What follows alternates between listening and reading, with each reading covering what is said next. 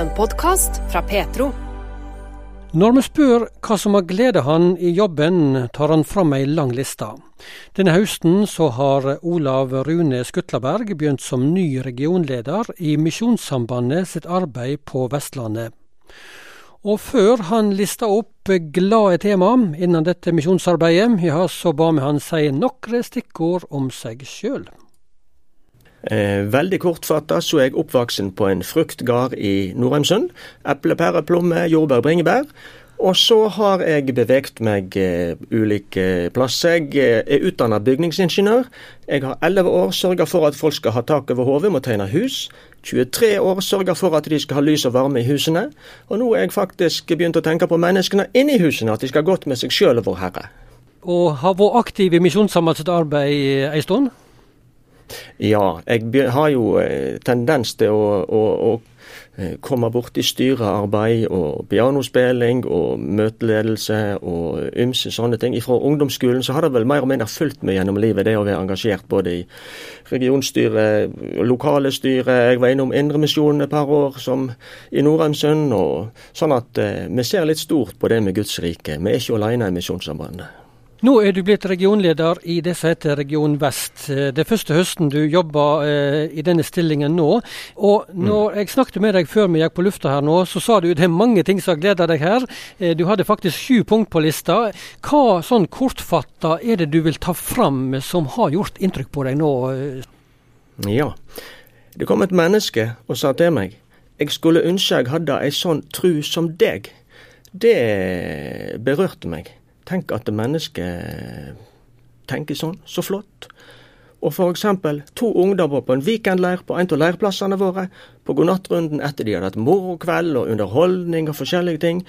Og så var de spurt hva er det kjekkeste med leiren? Jau, det var å bli kjent med Gud. Og de skulle ønske at leiren varte ei heil uke. Jaså ja, såpass. Mm. Mm. Det var to ting, mm. det. Eh, andre ting? Det var to ting, ja. Eh, en ungdom på en av skolene våre i høst bestemte seg for å følge Jesus. Og faktisk i fellesskapene våre her i bergensområdet så er det elleve ungdommer som har bestemt seg for å følge Jesus denne høsten. Og, og, og det er et stort takkemne for meg og for fellesskapet. Å være med der Gud arbeider. Og òg det utrettelige engasjementet som Kongshaug Musikkgymnas har stått på for å få tilbake likebehandlingstilskuddet. Det har gjort noe med skolen, med sammensveising av fellesskapet der. Politikerne ser det lokalt og regionalt. Så håper vi på at de får smette det inn i statsbudsjettet igjen. Sånn at vi slipper å bygge opp lån. For det er ikke noe attraktivt i disse tider. Mm. Det er òg en ting som har gleda deg, skjønner jeg. Det engasjementet der. Eh, andre ting? Ja, Altså, det at jeg blei tiltrudd den oppgaven å bli regionleder, det varmer meg langt inn i hjerterøttene. Jeg har truffet på mennesker fra lokalplan og, og, hele organisasjonen. Det er så mye takknemlighet, velvilje, godhet, velmeinende folk. Vi har tusen faste givere som gir sitt bidrag for å opprettholde eh, arbeidet. Vi trenger nok snakke med dem i høst for å øke givertjenesten, for lønninger går opp, kostnader går opp, og da litt òg fast givertjeneste går opp. Så det er en velsigna jobb å sitte i dette her. Det sier du nå, altså. Nettopp begynt i stillingen, og en, en sånn god måte å bli møtt på, skjønner jeg.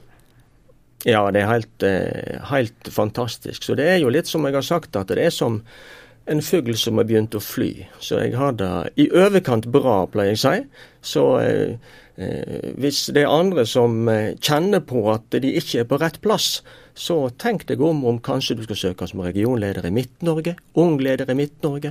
Det er faktisk flere ledige stillinger, så det er plass til deg hvis du ser det som et kall. Snakk med Vår Herre om det. I Norsk Luthersk Misjonssamband sitt arbeid i Norge, dette her altså.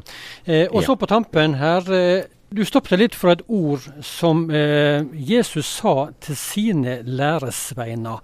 Hva var det?